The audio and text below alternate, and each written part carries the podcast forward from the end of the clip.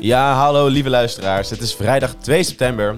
Uh, dit is de Lieve de Mannen Show. Ik ben hier met uh, Juri, Krijn en mezelf. Hallo Raoul. Raoul. Uh, goed jullie weer te zien, jongens. Dat is weer een tijdje geleden dat we hier voor het laatst hebben gezeten. Dat is uh, even geleden, Raoul. Dat is voor de vakantie geweest. Ja, zeker. Ik hoop dat jullie uh, je allemaal vermaakt hebben. we zijn weer mentaal uitgerust. We zijn weer op het scherp van de snede. we zijn drukker dan ooit.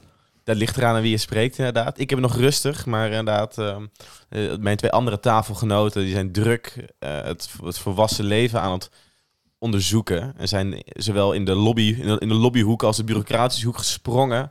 Om daar onderbetaald uh, gratis drank te drinken van, over, van publieksgeld. Ho, ho, nee, dat is geen publiek geld in mijn geval. We worden onbetaald, moeten wij keihard werken. Dat is 40 uur per week en dan keihard gaan doen. Dat is nu onze missie. Dus hoeveel, wat, wat, is je target? Hoeveel kopjes koffie uh, en hoeveel geprinte A4'tjes moet je rond gaan brengen per week? Ik zit nu wel op 400 geprinte A4'tjes. Maar uh, nee, even serieuze dingen. Uh, Raoul, het is tijd voor een spreekbeurt voor jou vandaag. Ja, jongens. Ja, kijk, ja, vandaag, ik heb in, in, de, in de vakantie heb ik het boek Neoliberalisme, een Nederlandse geschiedenis van Bram Millik en Marijn Oudekampse gelezen. Um, ik heb um, um, hun het, uh, zij, het is onderdeel van het onderzoek Marktmakers, dat tussen 2016 en 2020 uh, gevoerd is uh, op de Universiteit van Amsterdam en van Utrecht. Wat nou, de Nederlandse roots van het neoliberalisme, of in ieder geval de neoliberale ja, ontwikkelingen die we nu langzaam die de hele wereld hebben gezien, maar ook in Nederland. Um, nou, in de specifieke Nederlandse context hebben onderzocht. Uh, ik heb het uh, toen, uh, nou, mijn scripts ook over willen schrijven. Um, en ik heb toen veel van hun bronnen gebruikt. Maar dit is, eindelijk hebben ze nu alles samengebracht in één alomvattend werk. Wat echt heel indrukwekkend is. Met de bronnen die hebben ze weten te raadplegen. En ook ja, het, genuanceerde beeld dat ze hebben weten schapen van de krachten die eigenlijk in, nou, achterom speelden. die de, het Nederlands neoliberalisme eigenlijk sluipenderwijs hebben uh, doorgevoerd. Um, dit zijn twee historici? Het is een historicus en een socioloog. Maar het is wel grotendeels binnen de historische faculteiten van beide universiteiten is het onderzoek uitgevoerd. Dus zij geven eigenlijk historische... Het is echt, een, echt een geschiedschrijving, het is echt, ja, het is echt geschiedschrijving ja. van hoe neo, het, neo, het neoliberalisme is aangeslagen binnen het Nederlandse politiek en ja, de Nederlandse ja, samenleving. Ja, en het gaat er heel erg over, over oh, het is eigenlijk een idee, echt een ideeënpolitiek. Want uiteindelijk is het ook geen uh, behandeling van specifieke bedrijf, uh, beleidsontwikkelingen die uh, eigenlijk vooral pas in de jaren negentig ontwikkeld zijn. Um, kijk, het, het, het neoliberalisme is een beetje lastig geweest. Want vaak werd het gezien als ja, een, een ideologische stroming die met Reagan en Thatcher opkwam uh, als reactie op het Keynesiaanse beleid. Uh, dat gefaald had. Um, maar wat, een, wat bij de schrijvers interessant uiteen weet te zetten, is dat het in Nederland dus helemaal niet zo uit buitenland kwam overwaaien. In plaats daarvan was het eigenlijk al een veel eerdere binnenlandse ontwikkeling, dat wel een bepaalde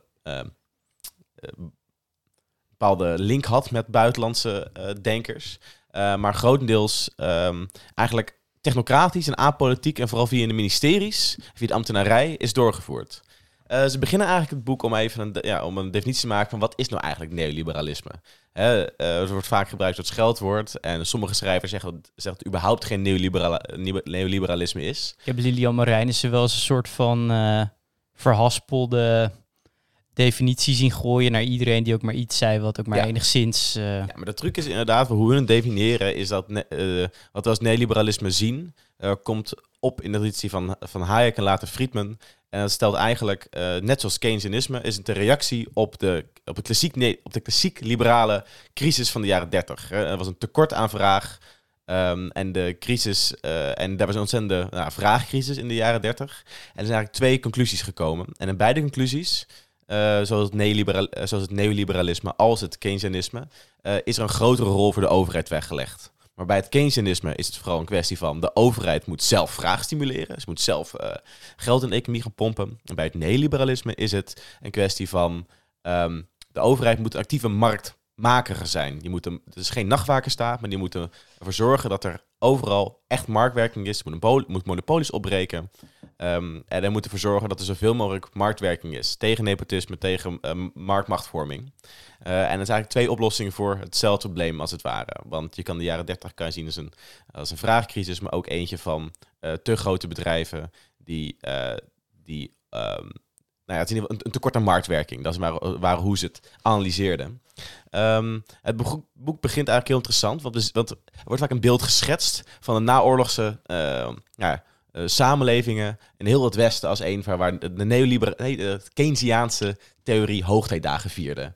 Waar de overheden zich massaal uh, met de economie gingen bemoeien, gingen nationaliseren, waar er een krachtige rol was voor de vakbonden en waar de lonen stegen door de combinatie van overheidsinvesteringen, overheidsmacht en sterke vakbonden.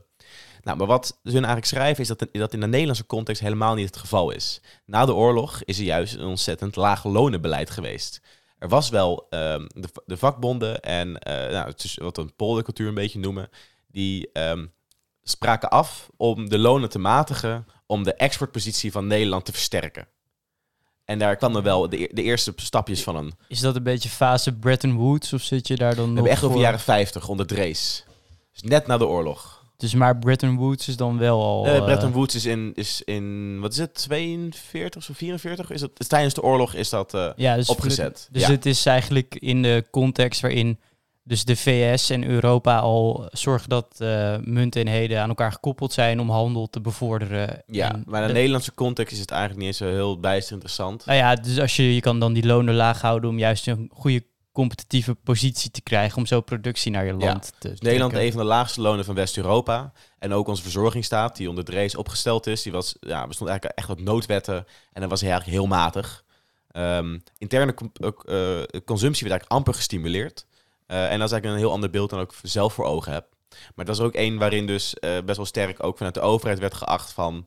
Nou, we doen een beeld uitgeschreven, we doen het allemaal samen. Hè, we moeten allemaal een duit in het zakje doen. De lonen werden expres laag gehouden. En dat vormde ook de nou, eigenlijk lage kwaliteit uh, industrie die zich in Nederland ontpopte. Kleermaker, kleermakerij, uh, lage kwaliteit industrie, uh, staal, staalmakerij, scheepsbouwerij, heel groot.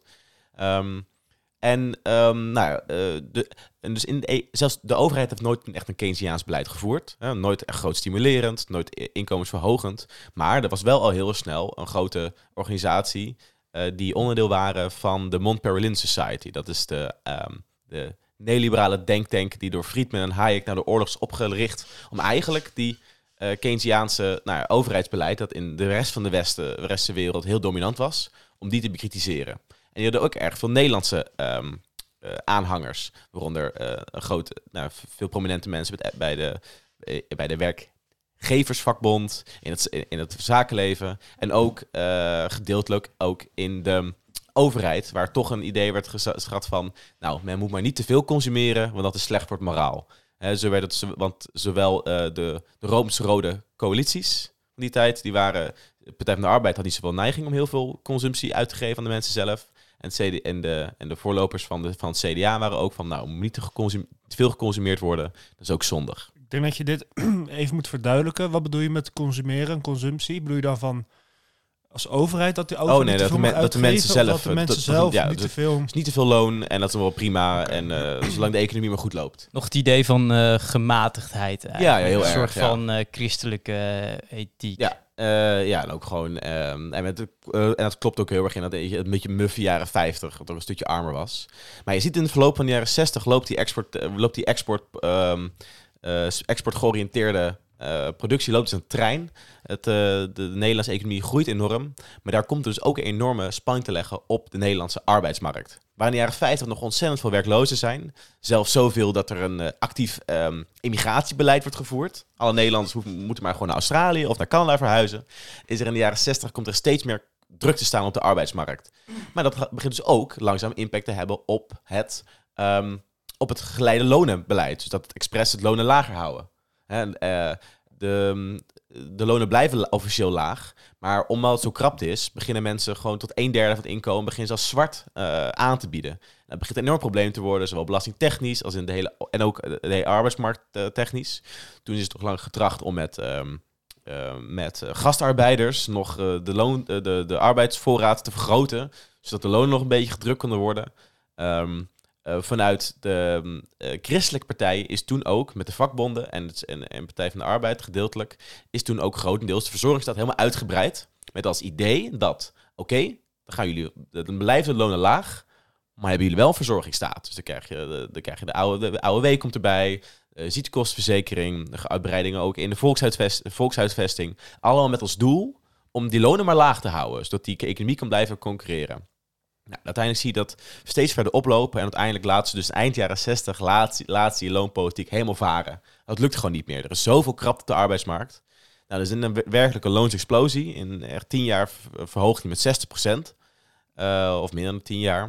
Um, maar dan komen we ook uit op de oliecrisis van de jaren 70. Um, um, en eigenlijk is toen... Uh, en toen... Uh, nou, eigenlijk, eigenlijk, heb je dus aan het einde van de loonsexplosie begint Nederland een klein beetje Keynesiaans beleid te doen. Ze beginnen, die lonen gaan omhoog, er beginnen verzorgingsstaat. Maar is maar heel kort, is eigenlijk maar echt helemaal in Nederland gekomen.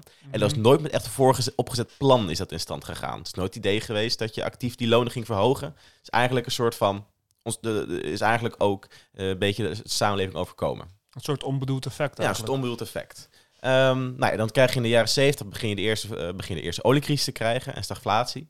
Maar ondertussen is de samenleving ook flink veranderd. De bevolking wil juist heel graag een soort Keynesiaans beleid. Die zien hun inkomen groeien, die willen dat door blijft gaan. Ze willen nog steeds grotere verzorgingsstaat. Dat is eigenlijk maar hartstikke fijn. Um, maar door de eerste oliecrisis begint er eigenlijk al de eerste krapte in te raken. De economie stagneert, de overheidsuitgaven die beginnen steeds verder te stijgen. Uh, maar de, uh, uh, in relatie tot het GDP. Um, ook Joop den L, die wordt als 1973 als eerste dus, dus als, als Partij van de Arbeider uh, toegelaten. En die wil echt een Keynesiaans beleid voeren. Nou, zowel de oliecrisis maakten ze, maakten ze mogelijk. Maar er is ook heel veel tegenstand in de Nederlandse ambtenarij. En dat is eigenlijk een van de grootste hoofdfiguren in het hele verhaal. Uh, in Nederland heeft, het, heeft de economie nooit echt een ideologische rol gehad. Het was altijd maar de wetenschap. En economen die vertelden de politiek wel eventjes hoe het zat. Want het was een, werd, werd gezien als een wetenschap, de, de economie. Mhm. um, dat gaf ook best wel veel macht aan het ministerie van Financiën en Economische Zaken. Om als het ware uh, beleid te formuleren en te stellen van dit is gewoon hoe het is en daar moet u het meer mee doen. Uh, in plaats van andere landen waar die economische beleid veel meer een strijd was. Um, zo heel erg snel, um, eigenlijk toen uh, nou ja, met de eerste crisis en dan wilde toen Den L wilde daar Keynesiaans beleid tegenaan gooien. Ontzettende uitbreiding van de overheidsuitgaven. Nou, toen al heel snel kwamen de ministeries, van Financiën vooral, van, van Jelle Zijlstra was toen dominant, die kwamen in opstand. Uh, daar was al, die waren altijd al een stuk rechtser geweest. Uh, um, hadden ook al veel conservatievere uh, directeur-generaals gehad. En die vertelde eigenlijk uh, Den L, dat, dat kan niet. Er is gewoon weer geen geld voor. En, dat, en die hebben dat, um, nou ja, die hebben heel veel beleid ook geblokkeerd. Die hebben er tegengewerkt.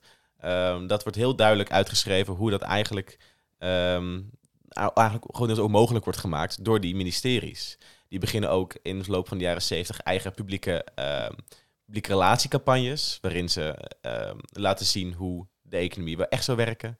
En dat, en dat het allemaal maar, uh, dat het Keynesiaanse beleid van Den L allemaal mogelijk is. Dus je ziet vanuit die ambtenarij een grote tegenstand ontstaan. Dat maakt het ook heel lastig voor de andere partijen. De CDA heeft uh, een grote tweespand. De Keynesiaanse uh, kant van de partij die meer vakbondsgericht is. En een wat klassiek liberalere, of een, of nee, liberalere werkgeverskant. en daar voert ook een strijd in.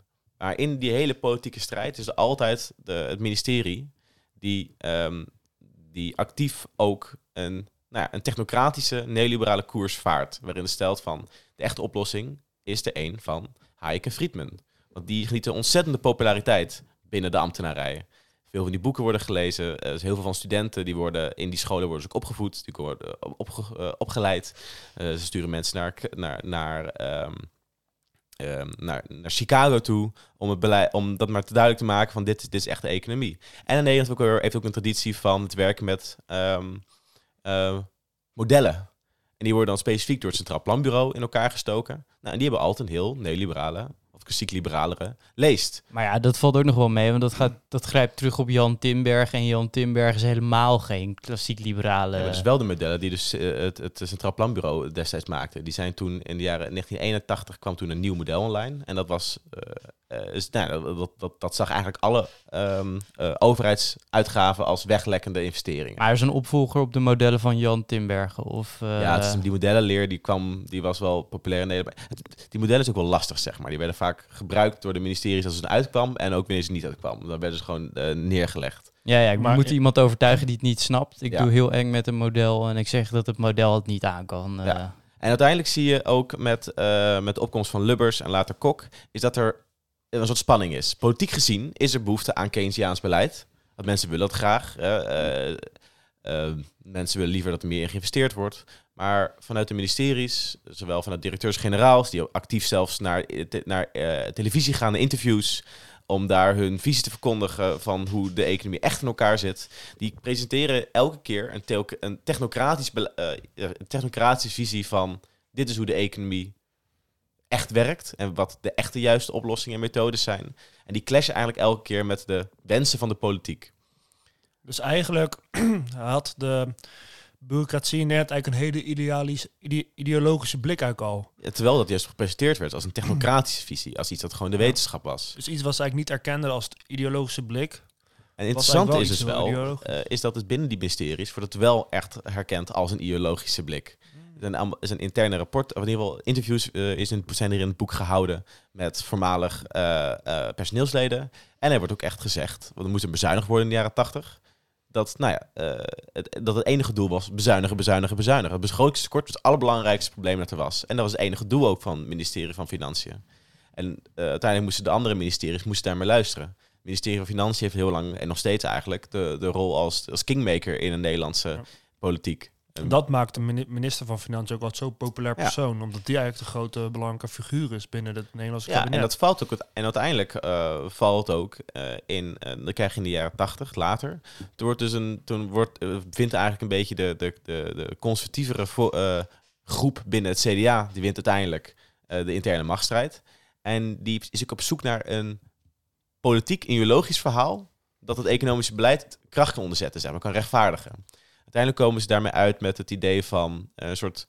eh, die, eh, de participatiesamenleving. Het is een beetje hetzelfde idee als Rutte had. Het idee dat de overheid te groot is, maar dat er dus ook niet te veel van af moet hangen. Ook beïnvloed door ideeën van, nou, als, allemaal te veel, als de overheid te veel macht krijgt, dan vallen we af naar zo'n totalitaire staat. Die idee van Hayek werden heel populair weer in de jaren tachtig. Ehm, en die creëren heel erg het idee van, van, van zelf, eigen verantwoordelijkheid. En dat je het maar maar samen met je vrienden, dat je, dat je het vooral samen moet doen. Maar daar kwam ook bij dus het hele verhaal van, de overheid moet veel kleiner, moet daar een veel minimalere staat. Ehm, ehm, en ook vanuit de rechtse kant van de politiek, eh, vanuit de VVD, van, van, van, van, vanuit eh Bl- Blommestein, volgens mij. Ik weet niet zo goed. Ik, Eh, heb het boek niet bij me. Eh, Wiegel is eerder, dan heb je... Nou, ik kan even niet... eh, Bolkestein. Bolkestein, ja. ja. Ja, en vanuit, de- vanuit, vanuit, vanuit de VVD is, er wordt ook echt een visie gepropageerd van een minimale verzorgingsstaat op zijn op z'n, eh, Friedmans, waar alleen maar bestaansminima wordt gegarandeerd. En waarin dus de, eh, de uitgaven van de Nederlandse staat met 65% verminderd zou kunnen worden. Dat is wel heel veel. En maar dat is dus ook zeg maar de lobby die dan trekt aan de verzorgingsstaat, zoals die eigenlijk per ongeluk in de jaren 60 ontwikkeld is. Die probeert dan de Partij van de Arbeid probeert die verder uit te breiden. Ja, in de vroege jaren 70 en vroege jaren 80 nog. En ook Mhm. een soort rechtvaardigen. Eh, terwijl juist vanuit, de ministerie, vanuit het ministerie van Financiën en vanuit eh, de rechtse eh, vleugels van het CDA en de, en de VVD zelf juist een heel visie wordt gepresenteerd van juist een verzorgingsstaat die eigenlijk per ongeluk veel te groot geworden is. Waar veel meer van af moet. En, als, en waar er veel meer vermarkt moet worden om de Nederlandse economie weer uit de ja, eerste en tweede oliecrisis te halen. Eh, en uiteindelijk, eh, in het verloop van de jaren tachtig, eh, zie je ook dat nou ja, de linkerkant van de Partij van de Arbeid, die, de Partij van de Arbeid, die, die, die, die wordt pragmatischer. Het, het ideologische tij keert heel erg. In het buitenland worden ook de, worden ook de, komen de eerste neoliberale regeringen op onder Thatcher en Reagan. En die hebben ook wel een invloed op Nederland. Eh, de hele economische wetenschappen verschuiven echt naar een neoliberale consensus. Vermarkting is de oplossing. En er wordt ook in Nederland gepresenteerd. Dit is gewoon de wetenschap. Hier moet het maar mee doen. En dan zie je uiteindelijk zie je alle partijen zie je daar een beetje in meeschuiven. Uiteindelijk is dan de, de visie die ook gepresenteerd wordt door financiën, is dat de Nederlandse economie een, een ware renaissance kunnen voor, eh, zou kunnen eh, meekrijgen als er echt drastisch gesneden wordt in, ehm, in, de overheidsuitgaves. Nou, uiteindelijk nou komt uiteindelijk die hele eh, massale snijpartij in de verzorgingsstaat komt er gewoon niet van. De belangen zijn te groot, zijn ontzettend grote protesten eh, en stakingen. Dus uiteindelijk ja, wordt het neoliberale agenda niet helemaal doorgevoerd. Dus het boek schetst ook een beeld van ehm, een, een, een verzorgingsstaat die eigenlijk per is gekomen, waar nooit echt een, een Keynesiaans idee eh, is geweest. Van een neoliberale ideologie die echt altijd wel duidelijk aanwezig is geweest, ook in belangrijke posities, eh, die ook ondersteund wordt door, eh, door een paar machtige eh, ministeries. Ehm, en, en uiteindelijk een ja, pragmatische schuiving van, van bijna alle partijen. Niet omdat het nou ideologisch is, maar gewoon omdat het de waarheid is, omdat, ze, omdat het zo hoort. Ehm, en, maar, dat maar dat creëert ook een heel ander beeld dan het verhaal van neoliberalisme in het buitenland. Waar het terrein is van een actieve overtuiging van de overheid is slecht. En ehm, eh, we moeten teruggaan naar de, de, de, Shining City on the Hill. Of de aanval van, van Thatcher op de Nederlandse, op de Engelse verzorgingsstaat. Die, diezelfde taal werd wel, werd wel gesproken binnen partijen en ook wel binnen beleidsstukken van financiën eh, of politieke programma's. Maar werd nooit als het ware zo uitgedragen in de Nederlandse politiek zelf. Het was een veel pragmatische en realistische oplossing. Waarin ook eh, zaken als de poldercultuur in meespeelden. Waardoor eh, het conflict dat het eigenlijk was tussen de overheid, de werkgevers en de werknemers en de vakbonden. eh, eigenlijk achter besloten deuren plaatsvond. Waardoor het allemaal veel meer overkomt alsof de hoge heren het wel goed besloten hadden en de rest maar wist mee, eh, mee ze moesten, zou moeten dealen. En dat kan je ook wel zien in het akkoord van Wassenaar, zeg maar. Ja. Dat is eigenlijk ook een soort van een, een overleg achter gesloten deuren ergens in Wassenaar in een kasteel volgens mij. Daar zijn de werkgevers, de werknemers en de overheid samengekomen om loonmatiging af te spreken. Omdat juist er een paniek was dat de lonen uit de hand zouden lopen door de jaren, eind jaren 60, jaren 70, wat je net gezegd. Als oplossing voor de stagflatie. Eigenlijk door de lonen maar weer te drukken, dan kunnen we weer economische groei Ja, dat is krijgen. in 1982 en dan En- zie je inderdaad die discu- dat die discussie grotendeels eigenlijk al nou, beslecht is. Eh, eh, dat, dat, dat, dat Partij van de Arbeid al gematigd is. Dat CDA ook steeds rechtser geworden is. Dat de, dat de, de, dat de ministeries eigenlijk heel duidelijk een verhaal eh, vertellen. Dat Reagan ook langs... Dat, dat van Thatcher is al, is al verkozen ondertussen. Mhm. En dan zie je dat tij echt keren.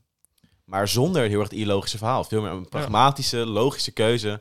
Ehm, maar dat is ook het gevaar dat ze vertellen. Is het, is een heel ideologische keuze geweest. Vaak door de belangrijke spelers heel ideologisch inge...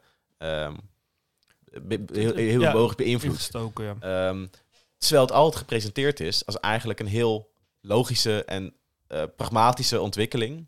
Waardoor ook de ontwikkeling van het neoliberalisme in Nederland ook zo moeilijk te, te duiden is. Want het ontstaat plotseling. En partijen schuiven plotseling die kant op. Terwijl, Mhm. terwijl het openbaar discours eigenlijk helemaal niet zulke rare switches maakt. Nee, want ik denk hoe het, hoe het akkoord van Wassenaar ook gepres- gepresenteerd is in ehm, 1982 is juist van eh, wij als de drie belangrijkste partijen als vertegenwoordigers voor de Nederlandse economie, wij hebben allemaal even logisch nagedacht, hebben gekeken naar wat zijn nou de problemen en wij denken, we zijn er netjes uitgekomen, dit is onze oplossing. Het tekort van wassenaars waren een symptoom van die bredere Ja. ontwikkeling. En ook Ja. van, die, be- en van die bredere ehm, ja, machtbalans in de, in de Nederlandse eh, politiek en economie. Ehm, en dat schetst ook eigenlijk wel een nuchtere beeld van Nederland dat nooit zo Keynesiaans is geweest als we dachten. Dat eigenlijk al heel lang eigenlijk al niet liberaal is geweest. Eh, waarin de vakbonden nooit heel sterk waren. Waar de poldercultuur eigenlijk ook je eentje is van... eh, we sussen het arbeidsconflict maar een beetje weg. Eh, en dus ook één waarin het dus ook voor politieke partijen... als je denkt van nou, hoe is die Keynesiaan... Hoe, hoe hebben die verzorgingsstaat is er gekomen... Je kan niet de lessen uit het buitenland trekken om het Nederlands te plaatsen. Het is een heel andere ontwikkeling geweest. En het biedt eh, op een bepaalde manier ook wel parallellen aan de, de huidige situatie. Is eigenlijk altijd een, eh, een situatie geweest waar links er altijd toch een beetje bij heeft gestaan. En dat nooit hun ontwikkeling is geweest. Ontwikkeling van de verzorgingsstaat. Nee, zeker. Links bokkelt niet echt, doet niet echt altijd mee. Het, het, het volgt altijd. Ja, dat is, Ja. gaat toch ook wat ver. Als je kijkt naar die eerste kabinetten Den L en dat hij dan zo'n monsteroverwinning haalt. Je kan ook niet zeggen, Ja, maar het gaat erom dat echt de werkelijke ontwikkeling van de Nederlandse economie en de inrichting daarvan en de relatie van de overheid tot de samenleving. ehm, ja, maar is het ook niet het geval dat politici sowieso maar plannen maken? De regering Ja, maakt ja, plannen en ja. tegelijkertijd gebeurt de wereld, zeg Ja, dat maar. Gebeurt, hoe, eh, dat in Nederland is natuurlijk eigenlijk nou ja, anders dan andere landen. Je hebt, ook, je hebt gewoon helemaal geen grote mannen in de Nederlandse politiek. Je hebt, je, hebt, ze- je hebt ze wel, maar uiteindelijk die invloed van hun is altijd wel zeer marginaal gebleken. En maar is niet gewoon de invloed van grote mannen in andere landen schromelijk overschat? ja, Ja, dat, zeker, dat is zeker. waar. ik bedoel... Het is uiteindelijk nooit... Het zijn altijd hele kleine dingetjes die maken de geschiedenis. Het is nooit een groot persoon die nou echt dingen heeft veranderd natuurlijk. Ja, is het niet gewoon zo dat we in Nederland gewoon niet de cultuur hebben om mensen eh, op een podium Ja, dat zeker Nee, dat zeker. Dat hoort Maar daarom vind ik, deze, vind, ik deze, vind, vind ik ook deze, dit, dit onderzoek zo eh, sterk gedaan. Want het neemt ontzettend veel actoren mee. Ontzettend verschillende bronnen. Veel archieven heeft het meegenomen. Om een heel, nou, eh, heel veel interviews ook gehad. Om een heel genuanceerd beeld te geven van hoe op de achtergrond die neoliberale ideologie altijd is geweest in Nederland. Al sinds de jaren 30. Maar eigenlijk Ehm, is die niet echt neoliberaal. Ja, het is neoliberaal als een van de vorm. Er moet een actieve overheid zijn. Die moet markten creëren. En die moet actief, als over het groot wordt, ook zichzelf afbreken. En dat- is neoliberaal. Het ne- het neo-aspect ervan is de grote rol van de overheid in het scheppen van markten. Ja, maar kan je dat al op de jaren 30 plaatsen? De jaren 30, daar ontstaat het idee namelijk. Dat is, dat, da- daarin verschilt het van het klassiek liberalisme, waarin er echt een nachtwakerstaat is. En dat is, Ja. dat, dat is namelijk waar ze die... die, die ja, dat, dat, is, dat, dat zijn eigenlijk de twee oplossingen die uit die crisis komen. Dus dat is in ieder geval hoe het in het boek, in het boek geschetst wordt. Maar het neoliberalisme is natuurlijk ook niet uit het niets weer ontstaan. Het is ook natuurlijk een, voort, een voortbeduursel op natuurlijk het liberalisme. Ja, het is oplossing. Dat En ik denk dat dat ook wel duidelijk is, maar in de Nederlandse overheid dan. Dat eigenlijk in de jaren 30 is ook gewoon een heel liberaal idee heersend binnen het ministerie. En eigenlijk is het daarna in de jaren 60 heeft het meer gewoon aangehaakt op de ideeën die dan nieuw zijn ontwikkeld door Hayek en Friedman. Dat Ja. je juist, en toen is dan een beetje opnieuw gevormd, omdat zij juist meer boeken uitbrachten, een stuk uitbracht van neoliberalisme. En dan haak je daarop aan op die term van neoliberalisme. Het is eigenlijk altijd wel een redelijk liberale denkwijze van eh, hoe je de economie ook inricht. En als Nederlandse overheid, Ja, het- hoe je eigenlijk zo'n, het- hele vestigingsklimaat is eigenlijk al heel lang natuurlijk een, Ja, en maar het, het vond ook een vruchtbare bodem in Nederland. Omdat altijd het idee is geweest van de, het ministerie van Financiën als schatkistbewaarders. Hè, die maar netjes om moesten gaan. Misschien anders dan andere landen. Eh, maar waarin dus, dus er dan nou, een cultuur was van niet te veel uitgeven. En dat moet allemaal, de, de boeken moeten allemaal kloppen. Eh, en waar dus ook in zo'n cultuur van wij zijn de mannen die het allemaal, die het allemaal het beste weten. En de rest die, die, die vergeeft allemaal uit. Waren ook eh, nou, die ideeën van Hayek en Friedman ook eh, eh, gezonde aarde vonden. Oh, dat is ook een heel ding trouwens. Ik ben vergeten eigenlijk te vertellen. In de Nederlandse politieke traditie was er in de jaren 50 al ehm, een discussie ontstaan met Drees junior. Dat was de, de zoon van Drees. was een grote, was een belangrijk ehm, ambtenaar. Het idee van de, wat is ook weer, de, de, de politiek van de belangen. En het ging erover dat, ook een beetje een opvolging van, van mij van Hayek, van de Road to Serfdom. Dat is een heel belangrijk stuk. En het ging erover dat ehm, zowel de burger als de politici eh, en eh, andere vertegenwoordigers hebben een belang om zoveel mogelijk geld naar hun achterban band te krijgen. Dus ook ambtenaren in ministeries, die willen zoveel mogelijk geld krijgen. En er maakt niet uit wat er verder mee gedaan wordt. En dat idee van eigenlijk de, de centrale pot willen leeggraaien, dat, dat, komt, dat is, wordt, heel, wordt heel belangrijk. En ook heel dominant in het ministerie van Financiën, eigenlijk tot de jaren eh 80. Met het idee van, wij moeten dus Nederland eigenlijk voor zichzelf behoeden. Klinkt een beetje Hobbesiaans. Ja, je kan eh. niemand dus vertrouwen. Want iedereen wil het alleen maar, War le wil het alleen maar leegtrekken. En dus wat voor verlulverhaal ze ook verzinnen. Je kan niks vertrouwen. Je moet het allemaal gewoon hand te knip houden. Dus het ministerie van Fin- Financiën is onze Leviathan, eh, die eh, ervoor zorgt dat niemand bij de pot kan en tegelijkertijd ja. alles voor zichzelf houdt. En die, die unieke rol die krijgen ze eigenlijk. En daar vindt dus die theorie eh, eh, vruchtbare aarde in. En die rol blijven dus ook, ook eh, spelen, zeg maar. Als een van, ja... we willen het allemaal maar niet, we willen geen geld weggeven. Het is allemaal, wij, wij dienen te controleren en wij geven gewoon aan hoeveel het is. Maar die gaan dus later ook een actieve rol spelen in wat voor beleid er gevoerd moet worden. Dus ook liever minder belasting. Want met die theorie van het neoliberalisme komen ook aan al eh, ja, eh, macro-economische aannames. Of in ieder geval hoe je de politiek moet runnen. Beleidsecon nee, beleidseconomische aannames. Ja, dus eigenlijk dicteren zij juist hoe andere ministeries ook er, Ja. hoe, hoe zij moeten reageren, wat hoe zij moeten handelen. Ja, en dat is in de jaren, in de jaren 80 dus ook de minister van Economische Zaken ook eh omzwaait naar eh, nou ja, een neoliberale om, eh, eh, ja, ja, op, opvatting. Dan gaan ze ook hand in hand gaan ze in eh, bepaalde economische raden zitten over hoe de Nederlandse economie hervormd dient te worden. Maar ja, als je dat neoliberalisme hoort als definitie, dan klinkt het heel anders dan als het scheldwoord dat Lilian Marijnissen bijvoorbeeld gebruikt. Want als, je, als ik denk aan een overheid die ervoor staat, dat, die ervoor zorgt dat markten functioneren. Dat Nou, klinkt helemaal niet als een, Het is dus niet als een soort van het, libe- het neoliberalisme als het het- het- tegen mensen. Kijk, het is niet, eh, kijk, het is markt functioneren, maar het idee is dus het is dat vrij belangrijk dat markten functioneren. alle markten moeten functioneren. En ook alles moet een markt zijn. En de overheid heeft als doel om zoveel mogelijk dingen als markt in te gaan richten. Ja, dus het, zichzelf en elk, en elk verschillend proces. maar dan is het eerder de fout om bepaalde dingen als een bepaalde markt te zien die niet, zeg maar, die perfecte concurrentie En de centrale aanname ligt toch ook in het feit, eigenlijk, van de jaren 30, van de neoliberalen, is dat er dus te weinig marktwerking was. En dat ook te veel dingen eh, niet als een markt ingericht waren. Dat was te corporatistisch. Het werd intern, eh, werd intern georganiseerd. Of er waren bepaalde monopolieposities, of er waren bepaalde contracten die te lang liepen. Het is allemaal veel flexibeler, meer marktwerking, veel meer markt. De markt was de beste, is, de, is en was, volgens hun dan, de beste methode om menselijke interactie te organiseren. En dat is de visie die, die eraan centraal ligt. En ook het beleid dat de overheid zou moeten voeren. Ja, dus als je iets te ver doorschiet en doet alsof er geen monopolies bestaan en eigenlijk... Je moet, de eh, mar- je moet ook marktwerking tegen zichzelf bescherming als, eh, beschermen als het ware. De markt eh, ondermijnt zichzelf actief. Zeg maar, er is een, heeft een, een marktbespelers hebben altijd een neiging, of het belang, om monopolievorming na te streven. Of oligopolies, of nou, in ieder geval de markt te ondermijnen. Is eigenlijk helemaal niet interessant, ook niet als marktspeler.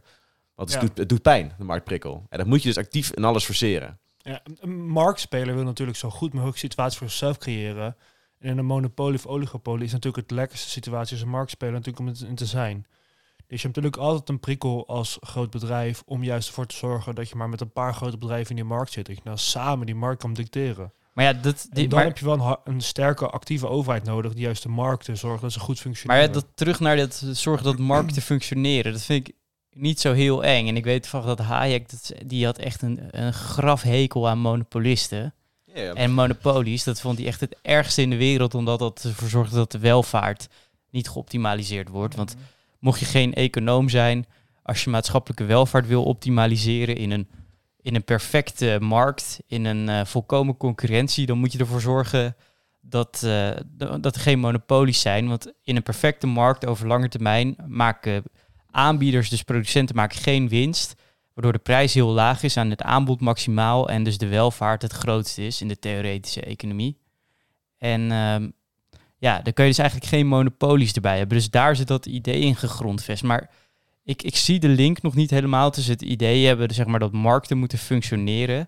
En dan zeg maar dat het voelt nog steeds heel erg als een scheldwoord, dat neoliberalisme. Terwijl we moeten denk ik blij zijn dat markten voor spijkerbroeken gewoon vrij zijn Ja, en niet De door... truc uiteindelijk ook van de jaren 80 eigenlijk die je krijgt, is dus dat eh, die marktwerking dus ingericht werd om eh, de macht van vakbonden te verminderen. Om ook te zeggen van ja, we betalen te veel belasting. Dus eh, ook overheidsdiensten moeten geprivatiseerd gaan worden. Delen van de verzorgingsstaat moeten geprivatiseerd worden. Onderwijs, zorg, allemaal maar privatiseren. Onder, vervoersbedrijven. Ehm, en dat is natuurlijk uiteindelijk eh, ook waar eh, huisvesting, waar ver, ver, verregaande plannen komen daar dan mee. Eh, als de overheid alleen maar een doel heeft om marktwerking aan te wakkeren, waarom doe je überhaupt nog dingen zelf? En dat is een beetje dan waar de negatieve effecten naar voren komen. Want de aannames die er waren, ook in de jaren tachtig, over wat er zou gebeuren als we alles gaan vermarkten. Mensen hadden ja, visies van, van, van weer die groeicijfers van de jaren 50, 5%, 6% per jaar. Dat, waren, dat hadden we verloren door, door een te grote overheid. En dan hadden we door het compleet liberaliseren van de samenleving, konden we weer terugwinnen. Wat iedereen uiteindelijk beter was. En eigenlijk waarom dat scheldwoord is gebruikt, is omdat die groeicijfers dus nooit terug zijn gekomen De efficiëntieslag heeft eigenlijk niet geleverd. Vaak le- levert het wat meer kosten, ander soort kosten, eh, eh, kosten die er rond toe gingen, eh, slechtere dienstverlening, eh, eh, lage kwaliteit van leven, meer stress, eh, grotere... Maar dat is toch ook niet geheel waar? maar, kijk, de truc... Dat, maar dat is dus waar... Dat is waar- dus eh, sinds de jaren... minister- kijk, veel van die ambtenaren die dus in de jaren 80 die plannen geschreven hebben, ze, ze, ze, ze hebben een interview ermee ook in het boek, die stellen eigenlijk dat ze zelf een beetje spijt hebben. Want de Ja. vooruitzichten die ze geschreven hadden, waarvan ze dachten van, als, we maar, als, die, als die staat maar weer klein maken, dan gaat de economie zich weer helemaal ontwikkelen. Dat viel dus ontzettend tegen. Ook als je kijkt naar Amerikaanse eh, eh, cijfers van Amerikaanse economie sinds de jaren 80. Valt reuze mee uiteindelijk van hoe nou de, ehm, de kwaliteit van leven voor de gemiddelde burger nou vooruit gegaan is. Want hun Maar- hadden dus echt oprecht een positieve visie ervoor. Van, we gaan allemaal, we, kijk, je wilt nu alles van de overheid krijgen, maar als je gewoon alles de ma- markt weer helemaal in werk laten gaan, dan gaan we zoveel, wil- zoveel ervarener zijn, je het allemaal zelf kan betalen. Maar dat viel ze uiteindelijk hartstikke tegen. Die theoretische, nou ja, eh, die voorspellingen die ze gemaakt hadden, die waren veel te, die waren veel te positief. En de kosten die eigenlijk gemaakt zijn door de liberalisering en door de afbreken van delen van sociaal vangnet eh, en van bepaalde eh, staatsbedrijven, die zijn eigenlijk te groot geweest in verhouding. Dat is Maar ik, ik denk dat dat het geld wordt gebruikt. gedeelte van een voorspelling zijn we uitgekomen. Als je kijkt naar hoe ons eh, BBP is blijven groeien sinds de jaren 80, zie je nog wel dat die door is blijven groeien natuurlijk. Alleen ik denk dat de opbrengsten, de winsten van die groei, zijn bij een selectiever deel terechtgekomen. Het is minder verspreid onder de gehele bevolking hoe die winsten van het, eh, van het neoliberalisme zijn uitgepakt. Ja, maar als je kijkt naar Europa, dat is... is- dat toch nog steeds een stuk gunstiger verdeeld dan in de Verenigde Staten. Ja, dat is zeker waar. Ja, dat is of je, hè, is nou, is, is de hel nou, is de hel nou eh 3000 graden of 2000 graden? Maar ja, is Amerika, is de, zijn de Verenigde Staten dat de hel? Ik bedoel, je hebt nog steeds een hoger Ja, inkomen ja, gemiddeld dan wij. Ik Ja, heb maar niet het gemiddeld inkomen is nooit iets wat je nou heel trots op moet zijn. Je moet ook vooral kijken naar het mediane inkomen en dan kijken hoe dat is heeft ontwikkeld. En als je kijkt naar hoe heeft de jaren 80, het is heel veel kapitaalgroei natuurlijk ook geweest. En waar concentreert kapitaalgroei? Die concentreert zich dat vooral bij de rijkere gedeeltes. was natuurlijk ook en het doel. die zijn echt wel Dat was ontwikkeld. ook het doel van de jaren 80 ook vergeten eigenlijk te vertellen. De oplossing van de crisis van de jaren 70 was er een van eh, winstgevendheid terugbrengen naar bedrijven. Er was te weinig kapitaal om er geïnvesteerd te kunnen worden. Dat was het doel, winst, eh, winstgevendheid terugbrengen naar bedrijven. En eh, dan zou er weer economische dynamiek kunnen ontstaan en zouden de inkomens weer kunnen groeien. Eh, en dat is natuurlijk eigenlijk dat is, dat, dat is teleurstelling geweest. Is dat eh, ook al zijn de winstgevendheid, zijn ons, is de winstgevendheid bij bedrijven en dus het kapitaal in de wereld is enorm gegroeid sindsdien. Mhm. Hij wordt niet meer afgerood door de overheid. Zijn die inkomens wel achtergebleven? Ja. Dat is ook weer een discussie. Nou ja, dat is dus ook weer de discussie. Hoe ver zijn eh, inkomens achtergebleven? Als je kijkt naar Relatief economen zoals Peter en Vermulligen van het CBS. CBS niet de minste. Dan, kijk wat je eigenlijk het naar ook de... wel stelt, als het ware, is dat eh, eh, de neoliberale ontwikkelingen en beleidsadviezen die hadden hun plaats. Want er waren, waren, re- waren echt gevaardigde, gerechtvaardigde ehm, redenen waarom eh, nou ja, de, druk op de bedrijfsleven in ieder geval een tijdelijke pauze nodig had. En die Mhm. winstgevendheid weer teruggecreëerd kon worden. Dat er een crisis kon staan, dat er even weer slechte bedrijven omver konden gaan. En dat de Nederlandse economie weer zou kunnen groeien. Maar dat eigenlijk die beleidsmethodes eigenlijk te lang vastgehouden zijn. Die winstgevendheid is teruggekeerd. Daarna, da- da- daarna is eh, eh, onder het idee van, ja, als, je, moet- je moet de schatkist moet nog gewoon lekker dicht blijven.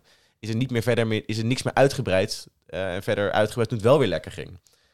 Dat was eigenlijk het idee van Wassenaar, zeg maar. We moeten nu eventjes inkrimpen. En daarna kunnen we terug naar de oude voet, hoe we eigenlijk Ja, door het is eigenlijk eindeloos pro-cyclisch beleid Ja. via een neoliberale beleidsmethode. Namelijk lonen laag en overheidsuitkomsten laag. En ik denk ook En liep het is te lang doorgelopen, zeg maar. Want Ja. de effecten eigenlijk, leveren niet zoveel meer op. Maar wel grote maatschappelijke eh, denk impact. ook onderdeel wat het scheldwoord neoliberalisme meegebracht is denk ik het vrijstellen van financiële instellingen en steeds meer het groter maken van de aandelenmarkt en het groter maken van de hele kapitaalindustrie die we nu eigenlijk hebben. En dat is voor sommige mensen is dat eigenlijk zo'n complexe grote wereld geworden die ook alleen maar een slecht beeld heeft in sommige ogen. En daar zit ook heel erg het woord neoliberalisme op natuurlijk. Zeg maar, het hele juist het aandeel, het aandeelhouderskapitalisme, het hele idee, je moet zoveel mogelijk dividend creëren voor je aandeelhouders en zo min mogelijk voor je stakeholders. Dat hele idee natuurlijk, daar is neoliberalisme ook heel erg aan gekoppeld. Dus het hele idee, bedrijf maken met gigantische winsten, keert alleen maar uit hun aandeel, de aandeelhouders en drukken juist de werknemers en de, en de duurzame wereld omlaag. die, dat hele idee, dat heeft ook heel erg het, het, neoliberalisme op zich gekregen natuurlijk. In de, in de beeldvorming. En daarom heeft neoliberalisme ook zo'n negatieve nasmaak. Ja, en ook gewoon de opvolger van, van, een, uh, van, een, um, van een oplossing die eigenlijk niet meer nodig is. Gewoon verouderd beleid. Maar ook, dat, ik vind het ook zo opvallend dat lonen laag houden zo centraal in die strategie is. Terwijl lonen laag houden, dat, dat loont economisch gezien vaak helemaal niet. Omdat wanneer de lonen stijgen, dan heb je veel meer prikkel voor innovatie. En er juist voor te zorgen dat dingen efficiënter gebeuren.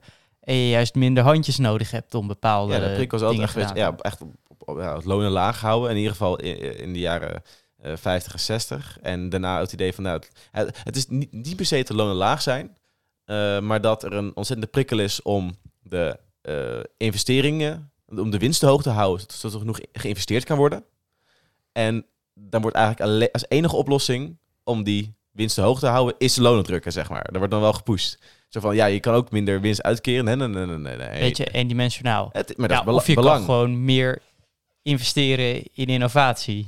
Ja, maar dat is vaak een eng woord natuurlijk. Het is op de korte termijn veel interessanter om je lonen laag te houden, om er geen loonontwikkeling te hebben. Als je morgen meer winst wil hebben, het makkelijker doen is je, je, is je arbeidsmiddelen betalen. heb je een korte termijn meer winst. Het is op de lange termijn vele maal interessanter om je lonen vrij te laten, ze mee te laten groeien met de economische groei en dan juist erachter te komen, loon is duur, dus innovatie loont en je wilt juist minder handjes. Op de lange termijn is dat vele maal interessanter. Ja. Maar op een korte termijn ja, je gaat niet zeggen, uh, we gaan maar heel veel geld in innovatie steken. Misschien over vijf jaar levert dat iets op. Het is natuurlijk veel te zeggen, nee, we houden die lonen wel laag. Want dan weten we zeker dat we over de e-, komende 1, 2 jaar gewoon winst pakken. Maar dan kan je over vijf jaar kan je misschien alweer verlies pakken. Maar, dat, maar als je daar geen visie op hebt, geen lange termijn blik naartoe wil hebben, dan ga je natuurlijk ook nooit naar kijken. En dat is denk ik ook heel erg onderdeel van de Nederlandse blik natuurlijk. Het is heel korte termijn eigenlijk, wordt er gedacht. Kortzichtig. Er is geen Binnen de Nederlandse politiek is er geen langetermijn ideologie. En in het Nederlands ministerie ontbreekt die ook veelal. Ja, maar waar is die wel? En die is er nooit echt aanwezig. Die er heel weinig. Maar je ziet wel in de jaren 80 wordt het wel wel. Uh, kijk, dan komt in de jaren 90, dus om de zalm, beschrijven ze ook, komt uh, de angst voor de globalisering op. Het idee dat uh, Europa helemaal begraven zal gaan worden onder de nou ja, hypercompetitieve markten van Azië en Amerika. Eh, en dat wij door onze te grote verzorgingsstaat ook veel te duur zijn. Dat is eigenlijk weer een tweede initiatief en lange doorlopen um, uh, nu weer prikkel om die verzorgingsstaat toch maar klein te houden, toch te blijven, blijven bezuinigen, toch maar de lonen ook laag te houden. Maar dat is wel ook een, toen was dat op zich ook een legitieme kritiek, toch? Ik weet niet hoeveel mensen er arbeidsongeschikt waren op dat moment. Oh, dat is echt ja, een belachelijke... Nederland, Nederland is ziek, hè? Ja, hebben ze allemaal afgeschaft. en kijk, ik ben ook zeker niet iemand die zegt van nou het systeem werkt perfect daarvoor. En ik denk dat er een paar hervormingen zijn geweest die zeker nuttig waren. En dat is ook natuurlijk de, de visie die de van de Arbeid destijds heeft gehad. Van nou, er zijn wel valide kritiekpunten. En uh, globalisering is inderdaad een grote dreiging. En misschien moeten we meer competitiever zijn. Ehm, maar uiteindelijk is het natuurlijk, uh, er, was een veel hardere push naar radicale afschaffing van de verzorgingsstaat. Uh, veel efficiënter, veel meer lean, flexibilisering van alles. Uh, daar dan ook die flex, de flexwetten doorheen gekomen, langzamerhand. Um, uh, en wel met een rol op innovatie wel. Dat heb ik niet zo meegekregen in het boek eigenlijk, hoeveel daar op gefocust is. Op innovatie? Er was wel het idee dat we, dat we een, uh, een, een, een, hoge waarde... Nee, een, dat we een... hoogwaardige, een, e- hoogwaardige economie moeten zijn. Ja. Dus dat, dat die, um, nou ja, de oude industrie, die dan wel een beetje in stand gehouden werd dat die maar gewoon af moest sterven. Want dat leverde gewoon niet genoeg op en dat konden we ons niet in laten uitblinken. En dat zeggen wij nu nog steeds. Nu hebben we nog steeds over dat we naar een hoog lonenland moeten gaan, naar hoogwaardige industrie. En het is als nu al steeds nog een struggle voor de Nederlandse economie om dat voor elkaar te krijgen. Ja, en we, lenen, we, lo, uh, we leunen af en toe nog heel erg op laagwaardige, simpele producten om die als export nee, maar ook En uiteindelijk ook zeg maar de landbouw. de, landbouw, ja. En de afhankelijk. Dat is heel simpel natuurlijk af en toe. Terwijl je eigenlijk innovatie, hoogwaardige producten wil exporteren. En dan zeggen we altijd ASML, maar dat is eigenlijk een van de weinige succes, succes in de Nederlandse economie.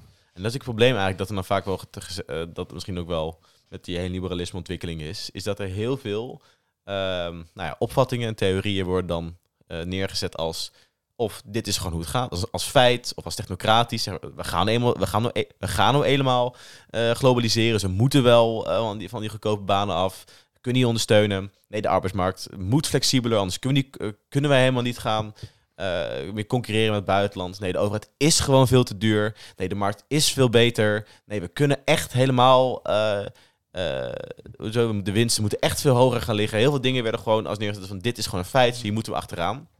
Um, en uiteindelijk heeft het ook, en dan beschrijft ze dan ook wel het einde eigenlijk, is die technocratisering van, uh, van overheidsbeleid. Uh, tegelijkertijd met ook nou, toenemende verarming van delen van de bevolking, die dus niet meer door de overheid ondersteund werd, omdat het niet efficiënt genoeg was, die leidde ook uiteindelijk tot, en bijvoorbeeld het binnenhalen van arbeidsmigranten, leidde ook tot de uh, populistische tegenontwikkeling in uiteindelijk eind jaren negentig en met een politiek, politicus als Pim Fortuyn. Maar kunnen we ook dan niet de parallel trekken naar nu? Op het huidige moment lopen we ook richting een energiecrisis, een inkomencrisis en natuurlijk een inflatiecrisis.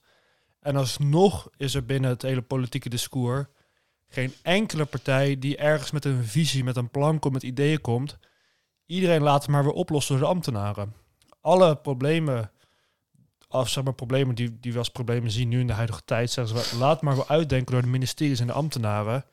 Laat die het maar weer oplossen. En dat nemen we dan wel als heilig aan. Ja, het is de, waar, ik heb dat is wel weer heel idee erg idee. Dat, nu juist het idee is van, uh, goh, we hebben een probleem. We pakken een zak met geld. Ja, ja. En, en, geld, het zak geld is nu op, dus nu is het laten de ambtenaren weer doen. Dan is de vraag, wie, wie gaat bepalen waar het zakgeld heen gaat? Doen weer de ambtenaren. Het is, we hebben heel weinig economisch-politiek debat. Misschien is dat eigenlijk nergens. Waarover dit gaat, over de huidige economische De kern is het verhaal dat we vertellen, inderdaad. Politiek, de, uh, economisch beleid is in Nederland al sinds, eigenlijk sinds nooit, is altijd een technocratisch verhaal geweest. Dat laat je de experts doen en die vertellen hoe het moet. Ja.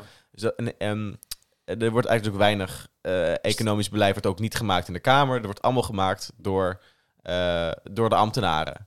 En maar die houden wel ideologische overtuigingen op na. Die eigenlijk ja. indirect maar doorcijpelen uh, in, het, in het maatschappelijk debat. Maar ja, het is ook niet toegankelijk, economisch beleid. Het is niet alsof je iemand van straat kan plukken en dan zomaar zegt van ja, goh. Ja. Terwijl volgens de schrijf is het wel nodig, want het uh, vervreemdt ook mensen onderaan de samenleving. Het ondermijnt vaak zichzelf.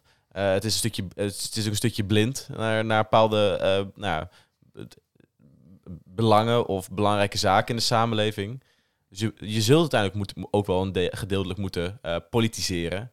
Want als je het echt alleen maar nou, aan de technocraten overhoudt, dan krijg je ook vervreemd uh, um, beleid dat eigenlijk ook helemaal niet politiek accountable is. Waar niemand, nee, af, ja, waar niemand uh, voor in kan staan. En je moet ook zien, de, de hoge politieke ambtenaren zitten ook gewoon in een bubbel eigenlijk.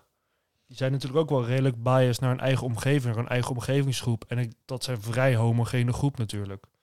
Ik denk dat wij ook wel redelijk beeld hebben wat voor mensen dat zijn. Maar je dat, kan en die komen wel als bepaalde laag van de samenleving natuurlijk. En als die alles mogen bepalen, zonder dat er echt een politiek debat over is, over van verschillende lagen van de maatschappij, dan krijg je natuurlijk een heel ander soort debat, heel soort ander beleid, wat misschien helemaal niet effectief is. Weer. Maar je kunt het ook niet echt democratiseren, economisch beleid. Bijvoorbeeld kan bijvoorbeeld heel erg een, uh, bijvoorbeeld een risico is dat er heel erg sentiment opgeroepen wordt van uh, anti-globalisering.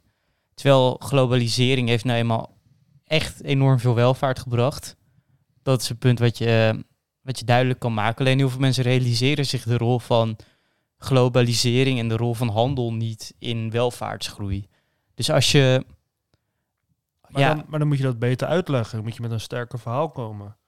Ja. Soms, soms moet je ook gewoon alleen de moeite steken in het uitleggen en het vertellen. Maar heel vaak gaat een politiek debat helemaal niet over feiten. Kijk, waarom, kijk, waarom hebben we een democratie? Is omdat uh, je bevolksvertegenwoordiging, zodat iedereen in de samenleving gere ge uh, gerepresenteerd wordt in uiteindelijk beleidsvoering. Als die politiek het niet heeft over economisch beleid, dan krijg je, nou ja, net zoals in, uh, in, in, in, autoritaire regimes van, van ver verleden, dat het belang van de samenleving, niet, niet, niet alle belangen van de burgers hoog gehouden wordt. En dan krijg je beleid waarin nou ja, bepaalde groepen beter op vooruit gaan. Of beleid waarin sommige groepen gewoon vergeten worden. Dus het is wel belangrijk dat er dus een discussie over is. En ja, ja, de huidige discussie over koopkracht, ja, het is wel, wordt wel gevoerd half. Maar, Maar, Nou ja, best wel serieus. maar waar? Nou, een, paar, een paar duizendjes hierbij of daarbij. Maar heb jij nou echt het gevoel dat we echt een goede, serieuze koopkrachtdiscussie nu hebben? We hebben een, ja, maar dat, we hebben nu ook een gebrekkig kabinet dat toch heel erg aan het En afwachten de eerste en discussie is het probleem. Oké, meer geld, fair enough. Of je wilt lastenverlichting of wat dan ook.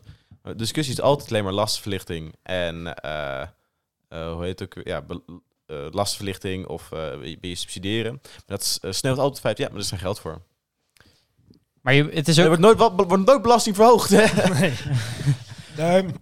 Ze gaan wel belastingen verhogen, Dat heel is licht. voldoende te halen namelijk. De, de, de plannen die er nu liggen is, we gaan een heel klein beetje aan de vermogensbelasting, die eigenlijk afgeschaft is, gaan we weer aan sleutelen. Dus de vermogensrendementsheffing die niet bestaat, maar toch wel half bestaat, Die niet uitgevoerd kan die niet worden. uitgevoerd kan worden, gaat toch wel weer met 3% omhoog in plaats van 31% naar 34%, wat een hele rare regeling is, die De- nog steeds niet opgelost En als je naar de rechter gaat, is het probleem er nog Dan is steeds. het probleem en nog dan, steeds, maar die houden we gewoon vast en dan denk ik van, prima, gaan we doen. En we gaan aan de winstbelasting, die is nu naar 15% gebracht, die was 25 en die gaat nu weer naar 19. Dus die gaat ook weer iets omhoog. Ja, het valt allemaal. nou, Ja, dat is best veel hoor. Het is best wel veel. Er gaat weer wat gebeuren, maar het is, het is vooral. Het wordt alsnog uitgedacht door de ambtenaren natuurlijk. De ambtenaren zijn met dit plan gekomen. En nu gaat het weer gepresenteerd worden. En nu gaan we er, gaat het waarschijnlijk ook gewoon uitgevoerd worden. Want we ontbreken gewoon aan capaciteit om het debat te kunnen gaan voeren. Niemand in de Tweede Kamer of in het publiek debat is eenmaal gewoon capabel genoeg om hier gewoon inhoudelijk goed erop in te gaan. Ja, maar het is veel te En het is veel te complex veel weer. Het is veel te groot, veel te complex. Maar ja, dat is eenmaal gewoon het probleem. Hoe gaan we nou ooit echt die economie gewoon zo goed democratiseren dat er ieder, dat het, een, gewoon een opgeleid econoom nou gewoon goed mee kan debatteren op de stof. Ik Ja, denk dat dat, wel prima lost nodig het probleem niet eens op, denk ik. Ja, soms wel. Uiteindelijk is het natuurlijk niet per se de methodes, maar soms de doelstelling. Is de doelstelling nou de BV Nederland en met zoveel mogelijk investeringen? Of is het een bepaald, eh, bepaalde levensstandaard die we eigenlijk willen nastreven? Eh, Ja, maar ja, de, dat, dat ik heb uiteindelijk de, de centrale aanname rond eh, het neoliberalisme eigenlijk en ook Keynesiaans beleid is gewoon dat er dat, dat de uiteindelijk BNP-cijfer van de samenleving moet blijven groeien. En als de totale economie maar groot genoeg is, er genoeg geïnvesteerd, genoeg geproduceerd, wordt uiteindelijk de levens van iedereen wordt het beter. Maar daar is heel, eigenlijk amper een discussie over, eh, over de verdeling van deze goederen. eh, en over eh, de uiteindelijke groeidoelen van zo'n economie. Nou, Ja, die maar- zou je moeten hebben, want maar dan weet kan je je wat af van dat discussie. Is, als je groeit, is herverdelen makkelijker. Als je, stel, nee, nee, maar Dat stel dat we in een situatie zitten dat we... Jij hebt tien koekjes, ik heb één koekje en Juri heeft drie koekjes. Als, er, als jij niet ziet dat je meer koekjes krijgt, dat je niet van 10 naar 12 koekjes groeit, dan, dan zeg je misschien van, nou ja, ik geef liever geen koekjes weg. Maar als je ziet van, ik krijg er twee koekjes bij, dan denk je, ja, dat ene koekje kan ook wel herverdeeld worden onder die twee jongens. Dus het is ook... ja, maar het is ook een kip-en-ei verhaal. Want ook kijk, Ja, maar uiteindelijk Als je- moet als- je maar- maar- democratisch er doorheen komen dat er meer herverdeeld wordt. Ja, maar als, Dus je, dan heb maar als je eerst goed herverdeeld hebt, dan heb je iedereen hoog opgeleid, heb je iedereen capabel gemaakt en dan kan je samen vooruit groeien. Dan heb je meer mensen om dat, is, nee, dat, is, dat, dat is natuurlijk gewoon de kern van, kunnen ne- van neoliberaal tegen Keynesiaans. Aanbod of vraag gericht. ja, zeker. Want het Keynes is natuurlijk eer van, ja, als je alles verdeelt, dan kan iedereen hoog opgeleid en meer consumeren. Ja. En uiteindelijk groeit de economie zo. En de liberale oplossing is, ja, je moet eerst gewoon kleine groep al het geld geven. Dan kunnen hun lekker investeren, dan kunnen we wat nuttigs mee doen. En dan zijt het vanzelf door naar de rest van de samenleving. Ja, maar je had het ook over, dat, over minimumstandaard. We kunnen ook gewoon het minimum een keertje, wat, we, wat iedereen moet krijgen, zeg maar, gewoon een beetje verhogen. Ja, dat kunnen we zeker doen. Misschien moeten we dat gewoon doen. Dat sowieso ook- voor het verhogen van de minimumjeugdloon. maar ik bedoel Ja. meer van een minimum van eh, ervoor zorgen dat iedereen kan studeren. Dat iedereen zich een beetje fatsoenlijk kan ontwikkelen als die jong is. Want niemand is tegen kinderen kansen ontnemen. Wat zit sociaal-democratisch eh gepraat Nee, van? Nee, helemaal eh, niet. eh, Nee, helemaal niet. Eh, Want maar waar, sne- waar, sneuvelt dit plan? Waar Als- sneuvelt dit plan? Ja, oké, ja, tuurlijk. Hè, we, nie- we willen niemand de kans ontnemen. Maar als de overheid te duur wordt, dan kunnen we niet meer groeien als samenleving. Want dan is de lasten te hoog, zijn we niet meer competitief. En dan eh eh, kunnen we niet we- meedoen aan We een globaliserende moeten niet discussie. doen alsof we zoveel kinderen hebben in dit land. En we moeten niet doen alsof we... er worden niet zoveel We moeten kinderen ook niet doen alsof alle bedrijven weggaan als we de, de rijkste eh, gewoon dubbel zoveel belasten. Ja, klopt. Maar ik bedoel, als eh 1,6 kind gemiddeld per vrouw, volgens mij gaan we die kinderen wel eh, Ja, maar de opleiding daarvan wel kunnen betalen. kansengelijkheid is een van de belangrijkste dingen natuurlijk om ooit te realiseren. Dat is echt hartstikke belangrijk. Ja, of een, Tuurlijk. een, een fatsoenlijk kansenminimum voor iedereen. Ja. eh. is Ik, meer een ehm, woordkeuze. Nee, zeker. Kansenminimum is natuurlijk gewoon... Iedereen, je moet gewoon iedereen de kans kunnen bieden om gewoon goed onderwijs te kunnen genieten. Je moet gewoon eigenlijk zorgen dat iedereen tot een achttiende geen zorgen heeft en gewoon alle kansen kan benutten. Oké, maar zullen we dan een recapje doen van eh, neoliberalisme? Ja. 60 jaar neoliberalisme in Nederland. Zijn we nu liberaal Nederland? Nee, we zijn... eh, nee, nee, wat zijn we? We zijn het Rijnlandse model natuurlijk. Hè? Zo van, Dat is gelul trouwens. Het Ja. we zijn- we zijn veel Engels, ze zijn veel Britser en Amerikaans zijn dan we best wel- denken. Ik zou Maar- zelf wel zeggen dat we neoliberaal zijn. De doel, we zijn, uiteindelijk zijn we marktgericht. En heel veel overheidsbeleid is uiteindelijk, de argumenten eromheen is... we moeten de markt dit doen en dat doen om de economie te stimuleren. En de verzorgingsstaat is het doel op zichzelf niet. is alleen maar ja, discussie om in wat voor mate houden we het in stand. Hè, dus belangen, eh, het is belangbehartiging voor de mensen die er nu gebruik van hebben. Nou, en het is gewoon efficiënt. Ja, maar Ik zag, eh, ik zag vandaag een grafiekje voorbij komen. Dan zie je allemaal landen en dan de tijdsontwikkeling. En dan zie je daar aan de, op de linker, op de y-as zie je de, de leeftijdsontwikkeling. Dus des te hoger, hoe hoger de leeftijd. En op de rechteras zie je de medische kosten per persoon. En dan zie je een ontwikkeling dus van de levensverwachting. En dan zie je bijna... Nou ja, Japan zie je zeg maar recht omhoog gaan. Dus de medische kosten nemen niet toe en de levensverwachting wel. Heb je nog een paar landen, heb je in Nederland, die gaan ietsje minder recht omhoog, maar een beetje ietsje schuin naar rechts. Dus dan neemt de levensverwachting toe en de medische kosten niet zo extreem. En dan zie je de Verenigde Staten, die gaan... Ja, die, die, die maken een soort van boogje naar rechts. dus de levensverwachting groeit niet meer. En de kosten voor- de zorg nemen alleen maar toe. Dus het is gewoon efficiënt gebleken om dingen als zorg en ehm, werkloosheidsuitkeringen om die collectief te regelen. Zoals Paul Maar- Krugman zei, de staat is een verzekeringsmaatschappij met een leger. Maar, Het is maar, gewoon efficiënt. maar de zorg is ook redelijk geprivatiseerd natuurlijk in dit land. Dat heeft ook een hoop kosten weer gedrukt natuurlijk. Uiteindelijk is het nooit echt ook gelukt voor waar. de neoliberalen om Nederland te li- neoliberaliseren. Maar de ziekenhuizen zijn wel gewoon bedrijven Maar we geworden. zijn wel maar een het van de meest onder- ge- geliberaliseerde eh, samenlevingen we zijn van niet Europa. een van de meest... Van, wat zeg je? Europa, We zijn een van de meest geliberaliseerde samenlevingen in Europa? ja. Ja, dat klopt wel, ja. Van Europa ja, wel. van Europa wel, ja. En ook een van de meest competitieve economieën binnen Europa.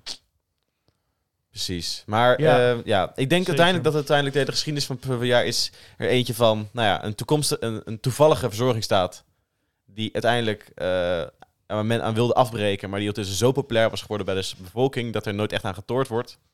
En waar we nu langzaam ook in een eh, nou, nieuw, eh, een, een nieuwe, nieuw tijdperk komen waarin ook binnen de economische theorie wetenschappen die nou, de, de kostenbesparende en positieve rol van die verzorgingsstaat ook steeds meer gewaardeerd wordt. Ja, Ehm, dus in Nederland, ik denk zelf, Nederland heeft wel echt heel veel, meege heeft heel veel neoliberalisme meegemaakt. En zijn ook echt neoliberaal geweest.